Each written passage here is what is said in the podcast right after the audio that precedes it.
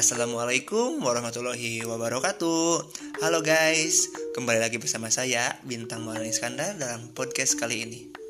Dalam podcast kali ini saya akan sedikit uh, berbicara tentang sebuah klub sepak bola Dan di sini saya sudah bersama dengan narasumber yang seorang fans sepak bola. Perkenalkan narasumbernya yaitu Saudara Rapi, apa kabar? Alhamdulillah baik. Ya, bagaimana uh, keadaan klub sepak bola Anda? Apakah Anda mengidolakan klub sepak bola yang sekarang sedang ada di puncak atau klub sepak bola Anda sekarang lagi terseok-seok di dasar klasemen? Gitulah, di bawah, sangat di bawah. sangat di bawah. Ya, kita akan membahas uh, apa? Barcelona ya. Langsung saja ya kita ke pembahasan. Menurut Anda, Barcelona pada musim ini berpeluang juara atau tidak? Berpeluang sih sepertinya masih bisa tapi kemungkinan sangat kecil sekali. ya karena kita tahu sendiri ya karena Barcelona sudah terseok-seok setelah ditinggal Messi. Dan BTW apakah e, ketidakhadiran Messi berpengaruh terhadap Barcelona pada saat ini? Kalau ngomong-ngomong berpengaruh sih sangat berpengaruh tapi ngomong-ngomong soal sepak bola sepak bola adalah keseluruhan keseluruhan tim? tim. Ya karena kita tahu sendiri uh, bahwa Barcelona sekarang sedang terseok-seok dan sekarang berada di posisi berapa?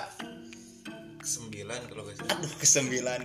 Itu adalah posisi yang cukup buruk bagi klub sekelas Barcelona. Untuk ke depannya uh, apakah anda akan berpindah klub favorit karena melihat Barcelona yang sedang tersyok-syok di papan tengah klasemen Liga Spanyol. Tidak mungkin. Yakin? Yakin. kan eh, kebanyakan fan Barcelona itu kalau gak ada Messi ya gak party gitu. Ibaratkan Messi itu seperti ruhnya Barcelona. Jadi kalau gak ada Messi bukan Barcelona. Jadi hmm, menurut anda eh, harapan untuk ke depannya bagaimana? Harapannya sih di manajemen ya terutama pelatih. Pelatih harus mem memanfaatkan pemain yang ada. Pemain yang ada seperti siapa misalnya? Pedri pemain-pemain muda lah. Pemain muda ya. Ngomong-ngomong uh, soal manajemen uh, menurut pendapat anda manajemen Barcelona sudah baguskah mengelola klub sampai sampai saat ini atau perlu ada evaluasi yang harus dilakukan oleh manajemen? Evaluasi, evaluasi harus terutama di bidang keuangan ya. Keuangan. Barcelona setelah presiden siapa tuh? Uh, Bartemu ya. Bartomeu. Nah, dia kan ngurus Barcelona gak gimana ya? Kurang kurang ini kurang bagus. Iya. Selepas itu Barca kan beli pemain asal-asalan gitu. Jadi jadi sekarang kan gitu. iya. Ditambah lagi kan sekarang Barcelona terlilit banyak hutang ya. Mungkin ke depannya haruskah Barcelona mengganti manajemen lagi atau mengganti presiden lagi atau cukup untuk sekarang sih saya percaya sama Laporta ya kan. Sebelumnya sebelum bertemu kan dia udah jadi presiden Barca. Kita lihat kan ada Neymar Suarez. Dan setelah setelah dia datang lagi pas Barca lagi down-downnya kan. Jadi gimana ya? Susah lah. Sulit untuk membangun kekuatan tim seperti dulu lagi ya? Iya. Ya ngomong-ngomong soal pemain kan banyak pemain yang sudah pergi ya uh, apakah penggantinya sudah sepadan seperti pemain-pemain pas zaman Suarez, Messi, Neymar dan lain-lain? Sepadan, kalau sepadan sih kurang mungkin. Belum ya mungkin.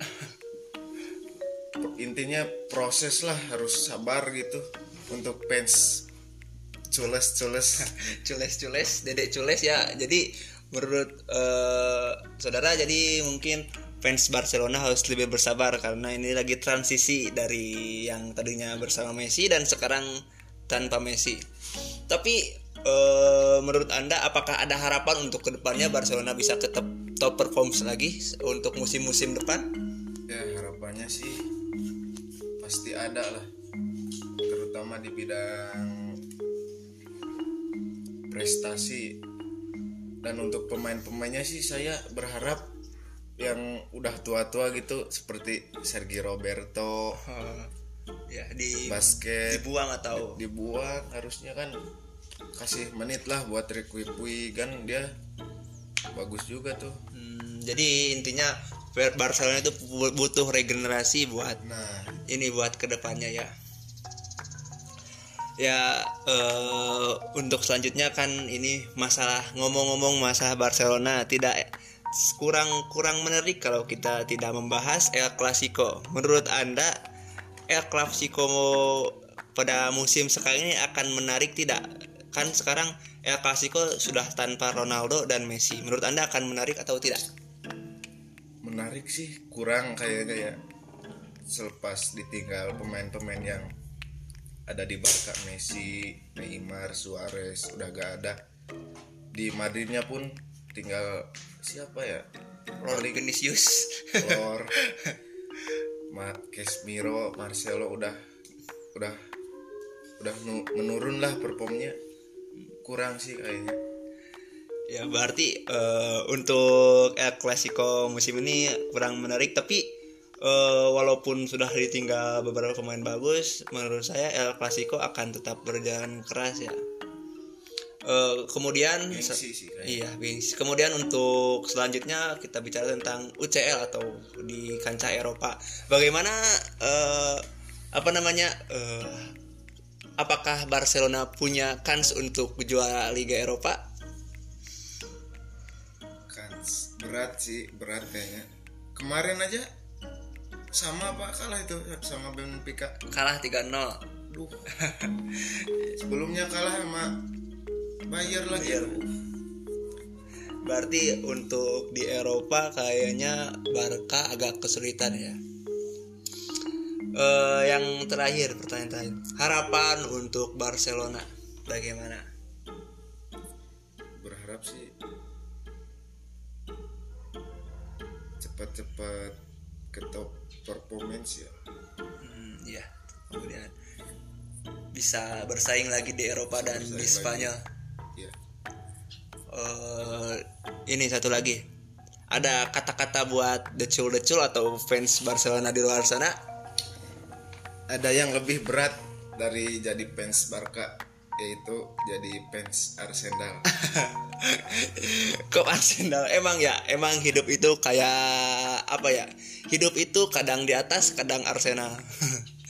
Ada pepatah mengatakan seperti itu. Karena kita ketahui sendiri Arsenal sekarang lagi berada di papan bawah lebih parah dari Barcelona ya. Jadi untuk para fans Arsenal harap bersabar ya semuanya. Ya, mungkin segitu saja obrolan saya dengan Mas Rapi ini. Semoga ini bermanfaat. Dan untuk eh, para fans sepak bola eh, tonton terus episode-episode selanjutnya. Dan see you guys. Wassalamualaikum warahmatullahi wabarakatuh.